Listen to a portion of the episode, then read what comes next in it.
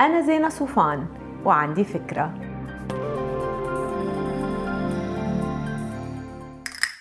رح ضلني أحكي عن ضبط الإنفاق ورح ضلني لحتى نغير شوي شوي عاداتنا المالية السيئة. بس اليوم رح لكم على شوية إشياء ما لازم تستخسروا تصرفوا عليها. السبب؟ إنها بتحسن لكم نوعية حياتكم وبالتالي بتستاهل كل قرش بينصرف عليها. أول شغلة هي العلم.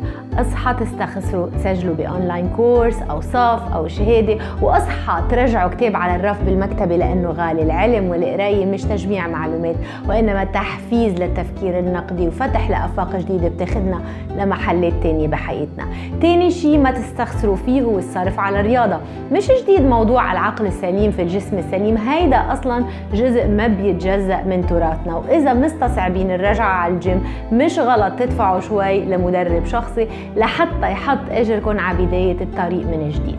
نجي على النوم اصرفوا على أي شيء بخليكم تناموا أحسن. المكيف عامل ضجة صلحوا غيروه ستارة عم تفوت ضوء. فصلوا blackout المرتبة مش مريحة اصرفوا على وحدة مريحة. اللي بينام منيح بفيق منيح. رابع شيء لما بسوبر ماركت تشوفوا علبة العسل يلي ب 20 درهم أو ريال أو اللي هو.